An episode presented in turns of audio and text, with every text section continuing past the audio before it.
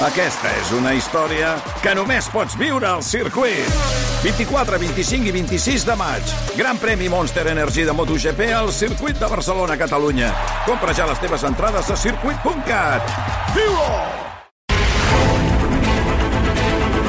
És pràcticament un quart de sis de la tarda aquest dissabte 24 de febrer farà dos anys que Putin va anunciar l'inici d'una operació militar a Ucraïna, no en va dir guerra, eh?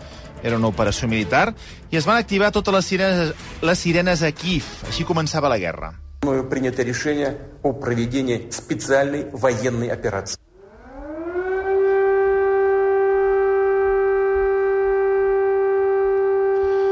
Inici de conflicte que vam viure pràcticament en directe al versió rac i que encara posa la pell de gallina recordar-ho. Dos anys després, el 18% del territori ucraïnès està ocupat per Rússia.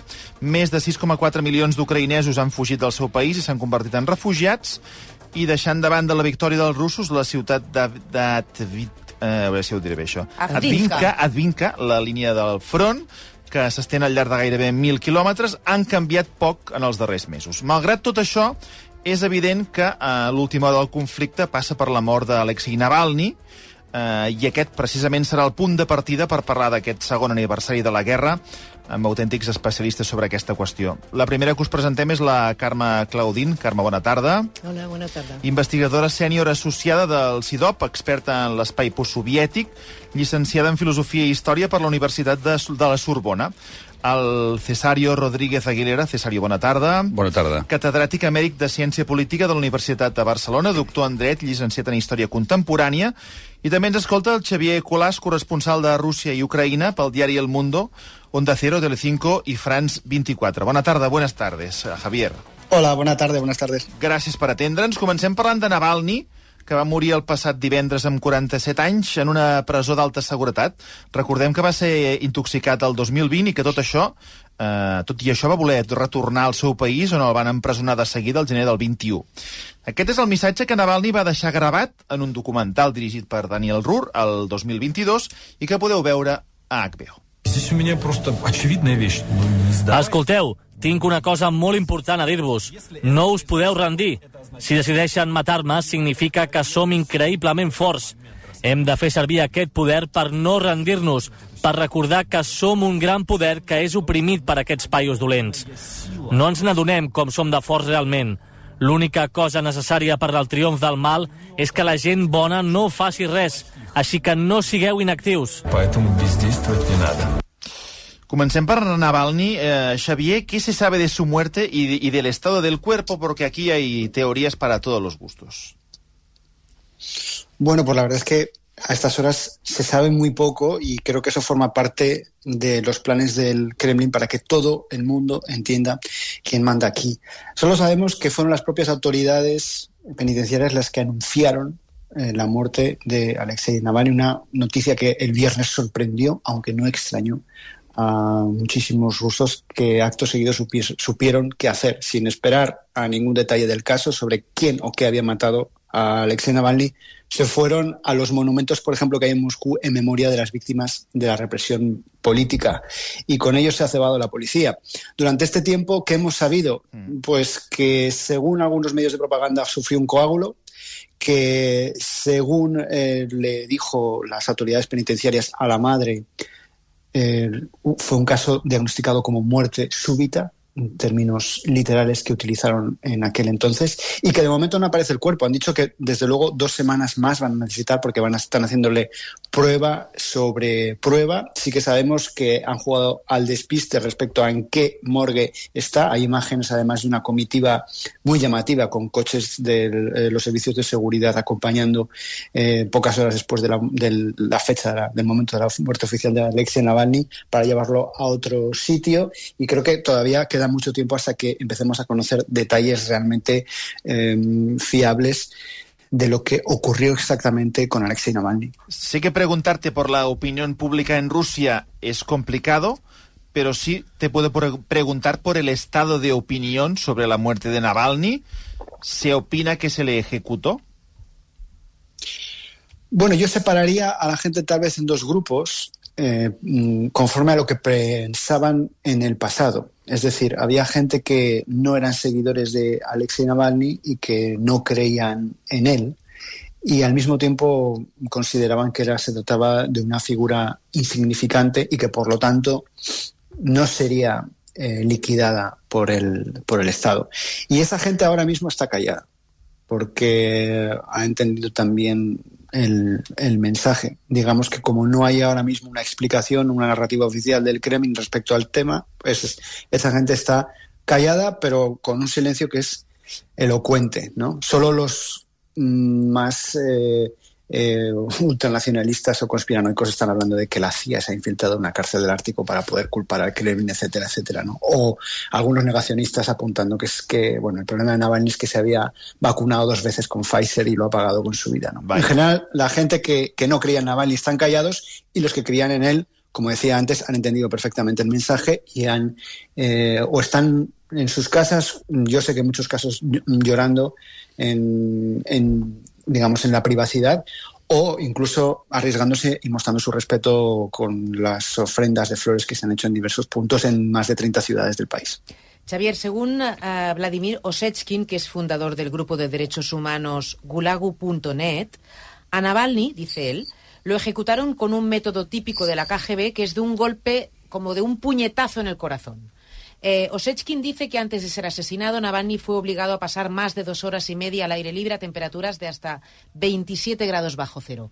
¿Se habla de esta hipótesis? No, no sé qué te parece eh, estas declaraciones. Aquí de, la cuestión de del de el, el golpe de puño en el corazón, uh, aquí se ha hablado mucho. Se, aquí se ha comentado. Esta teoría aquí, mm, bueno, se ha difundido bastante. Sí, bueno, la verdad es que Sechkin es eh, es una activista relevante en cuanto a derechos eh, humanos. Es una persona que ha ayudado a escapar del el país a gente muy dispar, eh, pero por ejemplo a personas que han combatido en el lado ruso durante la guerra y que en un momento dado han decidido escaparse de, del frente porque no creían en esa guerra. ¿no? Y es una persona que también ha defendido en el pasado, yo me acuerdo, a, a presos que han sido um, atacados o golpeados en las, en las, en las prisiones. ¿no? Entonces sí que es una persona que tiene um, fuentes en las cárceles. ¿no? En este caso, respecto a esta información, que yo también la conocía y de hecho la he mencionado en mi crónica de hoy en el mundo, eh, él apunta en esa dirección. Dice que, bueno, que fuentes eh, que no puede revelar apuntan a, esa, metodología que nos resulta a nosotros tan chocante ¿no? y tan, tan extraña por lo brutal, cruel y primitiva que puede resultar. Si yo tuviese que aportar un dato a eso, sí que diría que, por ejemplo, un periódico independiente, eh, Novaya Gazeta Europa, antes de que hablase, antes de que esto lo apuntase Sechkin, eh, apuntó una cosa eh, no eh, en ese sentido, pero compatible, porque fue ese el medio que dijo que había hematomas en el cuerpo de Navalny. Lo hacía citando una fuente del servicio de ambulancias que trasladó el cuerpo. Y esa fuente del servicio de ambulancias que trasladó el cuerpo, eh, cuando habla de los hematomas, dice que, que él creía que eran hematomas por convulsiones. Pero eh, al final de su declaración dejaba caer, decía, y tenía un hematoma grande en el pecho. Pero esa fuente, esa fuente de los servicios de ambulancias, lo atribuyó en aquel momento a maniobras de reanimación. Ahora, con el, la aseveración de Osechkin, pues bueno, pues todo para, eh, según se mire, puede cuadrar o en un sentido o en, o, o en otro, ¿no? Ya veremos. Eh, distintas cuestiones que nos hacen dudar de todo lo que se cuenta. Por un lado, sospechoso que no se quiera entregar su cadáver. También es sospechoso lo que apuntabas antes, que llegó una comitiva de coches oficiales y se hicieron registros en la prisión antes de la muerte. Pero hay una cuestión de timing también extraña, que es por qué matarlo ahora, ¿no? Uh, son unas semanas antes de las elecciones cuando podíamos pensar que no debería hacerse según qué ruido. No sé si te cuadra esta agenda. Sí, la verdad es que respecto a, la lógica de un país democrático como por ejemplo eh, es el nuestro, nos resulta difícil entender que alguien quiera llevar a cabo un crimen de estas características justamente en uno de los pocos momentos en el que el régimen tiene que validarse, en este caso cada seis años, con unas elecciones presidenciales. Pero visto desde el punto de vista de una dictadura, eh, el putinismo, y no es la primera vez, eh, muestra su poder actuando cuando incluso le es más inconveniente. En este caso, qué casualidad las efemérides cuando quedaba justamente un mes para el día central de las elecciones, porque son el 17, pero se puede votar en los días previos, es decir, el 16 y el 15 para las, para las elecciones. Ha ocurrido en el pasado, por ejemplo, cuando intentaron liquidar al ex espía traidor Sergei Skripal en el Reino Unido. También se dijo, pero ¿cómo un señor eh, tan viejo que su delito sucedió hace tantísimo tiempo, que fue canjeado con la quiescencia de Moscú y precisamente ahora que va eh, Rusia a organizar el campeonato la Copa del Mundo de fútbol dentro de unos meses, etcétera, etcétera. O, por ejemplo, eh, las Olimpiadas de Sochi, que fue un momento de validación del régimen, los Juegos Olímpicos de Invierno del año 2014, estaban terminando mm, para gran gloria del putinismo y el putinismo ya estaba eh, preparando la anexión de Crimea que iba precisamente a arruinar internacionalmente eso. O, por ejemplo, la invasión a gran escala de Ucrania en el año 2022, justamente cuando se terminaba ya el segundo ramal del Nord Stream. O sea, como vemos, hay muchísimos casos en el que siempre acabamos diciendo, pero ¿qué sentido tiene precisamente que Putin haga eso? Pues precisamente al hacerlo muestra a todo el mundo que se lo puede permitir. Es decir, que puede actuar de una manera brutal, eh, eh, ilegal e ilegítima, incluso en los momentos en los que parece que no es el mejor momento para él. Es decir, que no depende tanto de la orografía del terreno como nosotros creemos, ni de los condicionantes, ni de lo que pensemos, ni de lo que consideramos que deba ser. A l'estudi de RACUM, la Carme Claudín i el Cesario Rodríguez, eh, dubtes sobre la mort de Navalny? Què, què en penseu? Yo creo y que no hay absolutamente ninguna duda.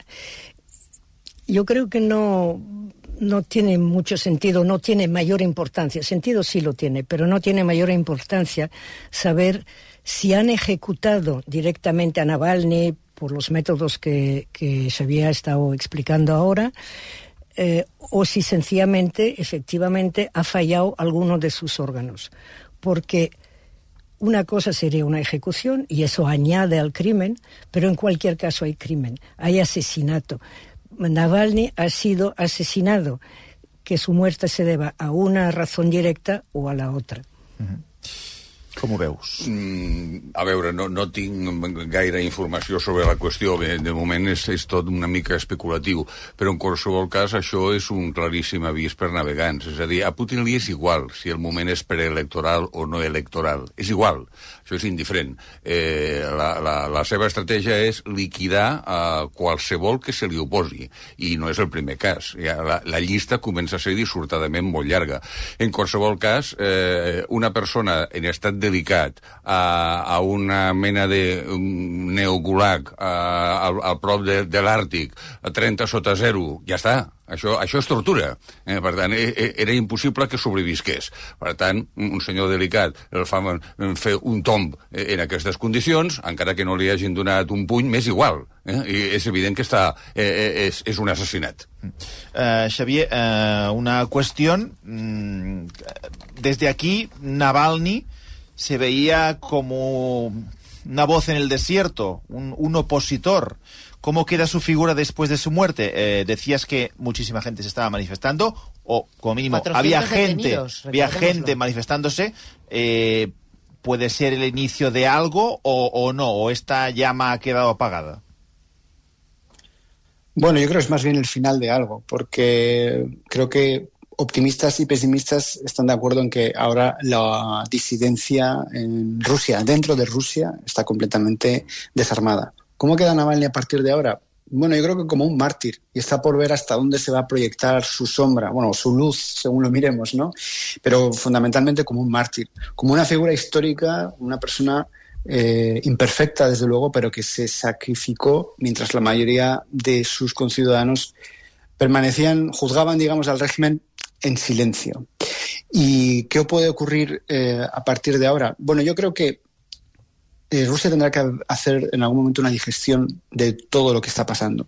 Han, sucedido muchas cosas y Navalny no es precisamente el primer nombre de una persona que paga caro el eh, hacer valer los derechos de sus derechos y los de, y los de los demás, ¿no? Pero yo creo que será un pozo en la conciencia cívica del país que es minúscula ahora mismo, pero eh, tendrá un, peso de cara al futuro. De cara al futuro probablemente en algún momento más favorable, no desde luego ahora. Ahora mismo no hay posibilidades ahora mismo de, organizar ningún tipo de disidencia organizada desde dentro de Rusia. Claríssim. Uh, Xavier Colàs, moltes gràcies, moltíssimes gràcies. Un plaer, com sempre. Gracias a vosotros. Corresponsal de Rússia i Ucraïna pel diari El Mundo, Onda Cero, Telecinco Això i France sabíem. 24. Eh, bueno, contundent, eh? eh no, no hi ha revolta, no hi ha oposició, no hi ha No. alternativa. Carme. Puc dir alguna i això ens enganxa amb, Sí. amb Ucraïna. Eh, no hi ha oposició, no hi ha oposició que tingui l'eficàcia necessària en aquell moment per representar un canvi, per forçar un canvi de règim. En aquest sentit no hi ha oposició, però hi ha una oposició. El problema és que encara no té l'impacte que ja ens agradaria que tingués. I aquesta oposició o està els, els seus líders més eh, destacats o estan en, a, a la presó o estan en l'exili i els que els eh, eh, recolzen o estan a la presó o estan en l'exili o estan en silenci en el país. Lo que sí crec, o sigui, no, no podem pensar ara que el que pugui fer trontollar el poder de, de Putin sigui una dinàmica, un moviment de, de dins. No. Això jo el veig No. molt... Bueno, és pràctic, totalment irrealista pensar-ho, en aquest moment. Allò On- que s'havia dit, els oligarques que els estan traient els diners a l'entorn de Putin... Això no, és no molt veus. útil. Sí, això és molt útil perquè eh, quan més de, descontents hi hagi amb, eh, amb el règim, encara que sigui descontents, conformistes i, i, i no, i no eh, agosarats, com, a, com per fer oposició a, a Putin, però encara i així és important que estiguin molt eh, descontents. Eh, el que jo penso és que o, per on passa realment el cop més existencial, podríem dir, eh, inclús el poder de Putin, no és a Rússia, és a Ucraïna. Per això tenim que recolzar els ucraïnesos totalment, no al màxim, totalment. Tenim que, tenim que donar-los totes les eines possibles, econòmiques, diplomàtiques i, sobretot, d'armament, perquè puguin, si no vèncer, en tot cas, arribar en una posició de força, amb condicions de poder eh, imposar també les seves, eh, eh, eh, els seus eh, condicionants, els seus, els seus interessos, en una hipotètica taula de negociació. Si no fem això, estem ajudant a Putin. És així de fàcil. No hi ha un terme intermig. No, no, no hi ha. Per tant, l'oposició de Putin és a Ucraïna. Absolutament. Sí, el com- destí de Putin es juga a Ucraïna. Estic completament d'acord. Uh, oficialment, a Rússia hi ha una oposició fictícia, purament eh, que, caricaturesca, que és la del Partit Comunista eh, i la del Partit Liberal Democràtic, uh, els ultras. Però és una oposició totalment domesticada, inservible. Uh, alguns que s'han oposat eh, als carrers ho han pagat amb penes de presó severíssimes. Si la memòria no em traeix, ens crec que uns 15.000 russos han pagat eh, amb la seva llibertat eh, oposar-se al règim. Uh, suposo que hi ha un malestar popular difús, eh, que no s'atreveix a manifestar-se, però hi és. I després, naturalment, el, el putinisme també té els seus incondicionals. Però comparteixo amb Carme la tesi que és eh, només una mm, sortida dolenta o no gaire bona de la guerra amb Ucraïna podria deixar tocat el règim. Mm, una altra cosa en la que s'ha especulat davant dels oligarques, jo no, no crec que els, els oligarques no s'enfrontaran amb Putin. Els, els poquíssims que ho han fet ho han pagat amb la vida o amb l'exili. Uh, s'ha especulat a vegades eh, un cop d'estat militar, una, una, la Guàrdia Pretoriana, la policia. Tampoc m'ho crec, ara per ara. Només en el cas hipotètic que Rússia patís una derrota militar contundent. Però és que això no passarà. Eh? Jo crec que hem arribat a una situació de, de guerra de posicions, on el front es mourà molt poc. Eh, jo crec que tothom està esperant a veure què passa amb les eleccions dels Estats Units de final d'aquest any, eh, i per tant tindrem per davant mesos on jo crec que les operacions militars no seran de llarg abast, serà un desgast terrible, dolorosíssim per la població i pels soldats, eh, però com diu Carme, al final, d'aquí uns quants mesos, crec que arribarà el moment de mm, in, negociar, no diré la pau, però sí un armistici. Eh, però clar, és fonamental que quan, si s'arriba a aquesta situació, i crec que s'acabarà arribant, Ucraïna estigui en les millors condicions. Eh? Eh, per tant, jo, i, el, i qual, quin és el problema? Jo crec que Occident és ha renunciat de facto a derrotar Rússia, però tampoc deixarà caure Ucraïna. Per tant, se li està proporcionant armament perquè resisteixi però no per guanyar. Mm. Això és per molt tant, interessant. I quedarà en empat, en, en empat infinit. Ten teniu per aguantar, però no teniu Sí. per guanyar. No, perquè per guanyar necessitaria tres cops més armament del que rep. Eh, eh, els militars diuen que un exèrcit que ataca necessita multiplicar per tres els efectius, i això no passarà. Eh, clar, eh, l'èxit grandiós dels ucranesos seria tallar en dos el corredor territorial que comunica Crimea i el Donbass. Però això és una operació militar d'una envergadura monumental. Ucraïna no està en condicions de poder trencar el corredor territorial. I quan es pot allargar Però, aquesta repeteixo, situació? no està en condicions perquè nosaltres, i aquí és la nostra responsabilitat, nosaltres no estem fent que això sigui possible. Sí. No és perquè no són ells capaços, no és perquè els ucraïnesos no eh, vulguin resistir. No els armes. ucraïnesos no tenen armes. Jo sempre ho recordo, a veure, la gent a Espanya és que no ho tenim tan llunyà, està, és, acaba, és cada vegada més llunyà, però encara hi ha la memòria viva de la, de la, De la guerra. de la guerra civil espanyola si entenem que per lluitar contra els franquistes, els que recolzaven eh, els feixistes de, de, els eh, feixistes italians i els nazis eh, alemanys, si per eh, recolzar els eh, republicans el que es necessitava eren les armes que no els hi van eh, donar eh, als francesos i als anglesos. Exacte. I per què els hi donem unes armes, però no moltes? Perquè, eh, perquè hi ha una por d'Occident i de la Unió Europea en particular, però dels Estats Units també, en la seva relació amb Rússia. Rússia. És, un, una és una por- potència nuclear, no ho oblidem, això. Però jo crec que lo, lo de la... eh, Efectivament, hi ha aquesta preocupació, però realment, no sé si us heu adonat, però eh, l'amenaça o, o aquestes insinuacions, de vegades no tan insinuacions que feia Putin o alguns dels, eh, dels eh, els càrrecs russos de l'arma nuclear, ara ja no en fan. No. És veritat. Us heu demanat per què? Pues el meu, la meva opinió, i no, no només la meva, de, de molts experts, és que els xinesos li han dit escolta, fins aquí hem arribat. Sí. Això ja no. Perquè és que tenim que col·locar a Rússia a dins del, del mapa internacional, dir, no només en relació amb Occident. Xina és la que ha dit... Eh, Bon, armes nuclears, Guerra, no. eh, fes el que vulguis, però la, la línia vermella està en les armes nuclears. No sabem el que li han dit i no sabem si És- li han dit que la, molt- és la, probable. la línia vermella està allà. Però és evident que no li interessa que se jugui amb això.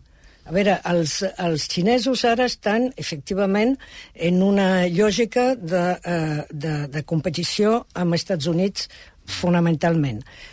Eh, no els ha anat malament l'agressió contra, contra Ucraïna, encara que no estic segura que al principi el- els hagués agradat, perquè els, els eh, xinesos són molt conservadors. I els molt conservadors, pragmàtics. clar, molt pragmàtics, no volen una política en què no se sap ben bé què pot passar. No perquè els importin els ucraïnesos, els importen un pepino, però però mira, una guerra es comença, se sap com comença, però no se sap com acaba. I, de fet, la guerra, eh, l'agressió contra Ucraïna, és el que ha, s'ha- ha, ha fet moure tot el, el tablero, com es diu en català. Sí, sí, el tauler, el tauler, el taulell, sí, el sí. tauler de la política internacional. Això està, és claríssim. Llavors, els xinesos el que no volen és que es jugui amb coses que són realment aquelles sí eh, estratègiques com les armes eh, nuclears. I probablement els russos, eh, Putin havia vi- ha venut a, a Beijing que lo de lo seria un passeig d'una setmaneta, ara entrarem, arribarem a, a, a Lviv i ahir ja ho arreglem tot, acabarem amb, eh, amb, eh, amb Zelensky i ja està. Tot, res de tot això ha passat, portem dos anys de guerra i els eh, xinesos, pues, eh, home, molt clar no estan les coses. Eh? Encara que la situació sobre el front estigui en aquest moment aturada, això és cert, i és una guerra claríssim de posició a la, a la, al tipus Primera Guerra Mundial, però esperem una miqueta. Esperem una miqueta. Però aquesta miqueta que cal esperar també està entre les nostres mans. Tenim que ajudar els ucraïnesos. Si no, som responsables de lo, de lo que els hi passarà. I el que els hi passarà sabem molt bé que serà, perquè està molt il·lustrat en tot el que ha passat a Mariupol, en les fosses comunes que s'han trobat a Izium i en tots ocu- els territoris ocupats pels russos. Els serveis d'intel·ligència d'Estònia asseguren que el Kremlin, pla... això és el que diuen ells, eh, planeja duplicar les seves tropes a la frontera amb els països bàltics i Finlàndia per preparar, diuen, una possible confrontació militar amb Occident la dècada vinent. Ens, això ens ha de preocupar? Aquesta possibilitat està sobre la taula? Jo crec que no. Eh, això forma part, diguem-ne, de, la, de la propaganda i de la retòrica, que és, és sempre delicada, se, se pot anar de les mans, però és molt poc probable. Um, això que implicarà? Que eh, és un avís per, eh, del món occidental a fi que les opinions públiques acceptin un increment de la despesa militar. Uh, I abans d'entrar aquí, Carme, jo parlàvem una mica de... Sobretot si, si Trump eh, és president Sí. i eh, compleix la seva promesa de retirar els Estats Units de l'OTAN, em sembla poc probable aquest segon. El primer em sembla més probable que el segon. Però, en fi, si ho fa, si guanya i retira els Estats Units de l'OTAN, insisteixo, em sembla poc probable, eh, amb més raó que mai, Europa s'hauria de dotar d'un exèrcit comú. Però és que, encara que no es retiri, crec que Europa ja hauria de pensar molt seriosament en fer-lo. Eh? Eh, per tant, eh, jo, no, jo no, no, no contemplo l'escenari d'una confrontació directa entre Rússia i els països europeus de la OTAN. Em sembla inimaginable. Eh? Eh, però, eh, tornant a una cosa que, una cosa que abans ha dit la, la Carme sobre, la, sobre Xina, perquè és, és una qüestió fonamental. Eh, Xina, eh, la Xina és un país que mm, eh, els dirigents xinesos aprenen molt del que està passant. Van, a, van aprendre molt de la perestroika, ja sabem el que no hem de fer, i ara estan aprenent molt de la guerra d'Ucraïna, perquè ells tenen la qüestió de Taiwan sempre pendent, sí. que no és una cosa imminent, però volen veure com acaba això, eh? perquè podria ser un president. Gràcies a la Xina i a la Índia, que compren gas i, i petroli, eh, Putin està sortejant molt bé les sancions internacionals, mm -hmm. que estan resultant molt poc eficaces. Per tant, ara Putin ja sap fins on pot arribar. I ara, què li interessa a Putin? Consolidar aquest 20% de territori ucraïnès que li ha robat a Ucraïna, jo crec que d'aquí serà dificilíssim o gairebé impossible fer-lo fora eh, i acabar d'arrodonir una mica més el front. No crec que la cosa vagi més. Total, què quedarà? El que quedarà serà el 80% d'Ucraïna eh, que s'hauria de quan se- es signi l'armistici, reconstruir, eh, eh, eh, mm, intensificar les negociacions amb la Unió Europea. Eh, ja tenim un precedent eh, de país trencat que va entrar, que és Xipre. Per tant, Ucraïna trencada podria ser soci de la Unió Europea. S'ha de democratitzar molt més, ha de lluitar a fons amb la corrupció, eh? Eh, i s'ha de negociar un estatut de seguretat, que això serà el més complicat. Jo crec, ho veig gairebé impossible, que el 80% de l'Ucraïna lliure, independent, entre a l'OTAN, ho veig molt improbable, eh? però se li, han de donar, se li ha de donar una seguretat al que quedi d'Ucraïna, que serà el 80%, eh? què sé jo, com Finlàndia. Com Finlàndia després de la Segona Guerra Mundial. És un escenari que se, sobre el que s'està especulant. Fin, a, eh, els russos, eh, els soviètics, a Finlàndia li van robar l'11% del territori. Uh -huh. Però eh, des, a l'any 44 es va signar un, una, una treva, eh, una negociació, i eh, Finlàndia va eh, mantenir la seva independència. No és un mal negoci, Eh, va mantenir una democràcia liberal, una economia mixta, amb neutralitat. Eh? Eh, I avui és soci de la OTAN i de la Unió Europea. Doncs és un, ma, és un mal, sí, que Ucraïna perdi el 8, eh, 20% del territori. Però d'aquest mal se'n pot treure, crec jo, no sé què pensarà Carme, un cert benefici, que és pensar en la hipòtesi Finlàndia. No, jo no estic massa d'acord. Mira, hi ha algunes coses que has dit abans, tampoc... Mm. Uh, la hipòtesi finlandesa, la, la, la, la finlandització d'Ucraïna, això, el dia número 3 de l'agressió a gran escala russa, ja s'estava parlant d'això. Mm.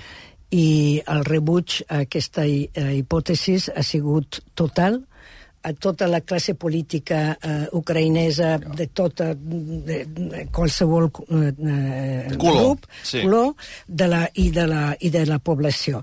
I sobretot perquè la finlandització ha donat una... una a, a, efectivament, ha sigut eh, eficaç durant un temps, però així que a, a, a Moscou. Es, es torna a trobar una, un poder com podia ser el Stalin en la, aquella època. A, a Putin ara això no li, ha, no, no, no li ha donat seguretat a Finlàndia i justament, immediatament, el primer que ha fet Finlàndia és demanar entrar a la OTAN. Llavors, eh, la qüestió és que perdoneu, ara amb lo de Finlàndia i, i lo que tu deies abans, m'he perdut una miqueta la possibilitat d'arribar a, una, a, Un una, a un armistici Pau per territori, que això és eh, el, el resum de la qüestió, mm. en aquest moment eh, el rebuig eh, social i polític també, però bueno, totes les eh, re- enquestes d'opinió a Ucraïna, totes estan en contra, mm. però mm, proporcions de 80 i pico per cent. Lo qual no vol dir però això és, per això és molt important entendre ben la, les dues situacions. No vol dir que la gent no estigui cansada, estan molt cansats. I, i, no, I no us explico els que estan en el front, que a més no tenen prou forces eh, humanes com per fer una rotació important. Ara us ho anava a preguntar, hem parlat molt de Navalny, del bàndol rus, Sí. però el, el bàndol ucraïnès, eh, el front com està?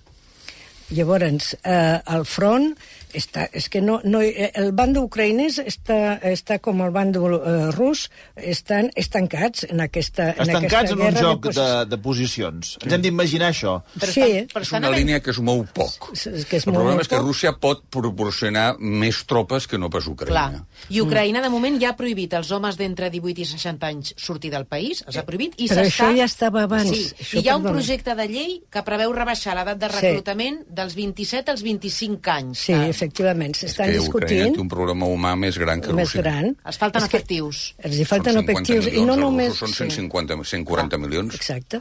Primer hi ha la demografia, la de demografia i segon hi ha el fet de que el rus és un poder absolutament inhumà. Dictatorial.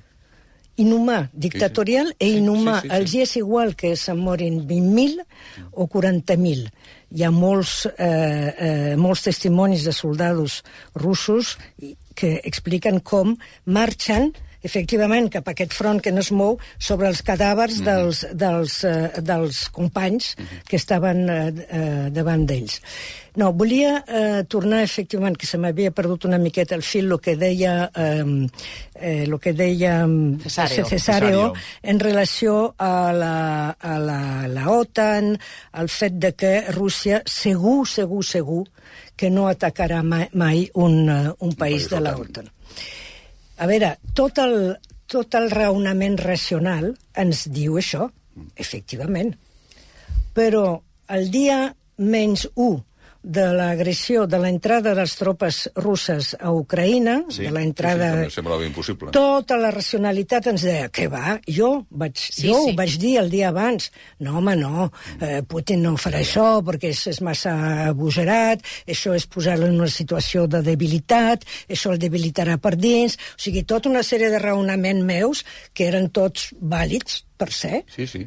Però, Però és pensar que... una, Però és el però jo trobo una diferència substancial, que és que eh, això activa el famós article 5è i, i, i estem parlant de la Tercera Guerra Mundial, eh? Però Poca sí, broma. però a tu et Sí, sembla sí. que a, a, Putin li importa això? Putin va arribar a dir... Esper, esperem A que sí, esperem si li que sí. està costant tant conquerir, Ja. el, eh, avançar més sobre Ucraïna, tu creus que us llançarà que això sobre els Jo bàltics? també penso, jo també no, penso... No té recursos Jo suficients. també penso que no. Que el Perquè no pot. 90% de la... De, sí, però és que això, una altra vegada, és el, el que en anglès diuen el rational choice, Ja. la opció racional. La opció racional et diu, no, no, no, eh, eh, jo, jo, jo me moriré con ellos. Però, com diu Putin, ja. ha, ha dit en, el 2018 en una entrevista eh, amb, un, eh, amb un periodista molt conegut, eh, propagandista, però molt conegut a Rússia, va dir bueno, sí, l'alarma nuclear, clar, és que si no tots ens juguem la vida, etc. Però jo, per un altre costat, com a rus i com a dirigent d'aquest país, penso, cal viure en un món sense Rússia? I aquí ho deixo.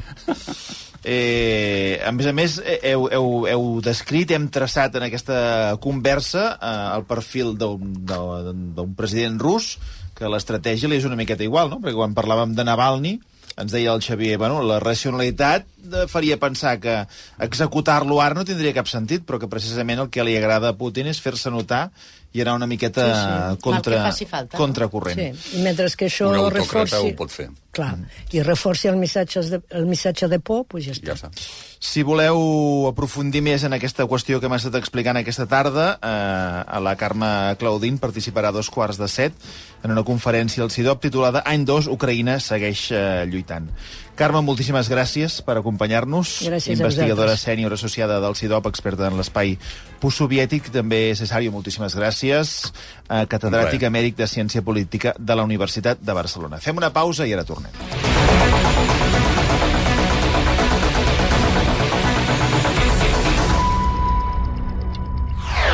Versió RAC 1.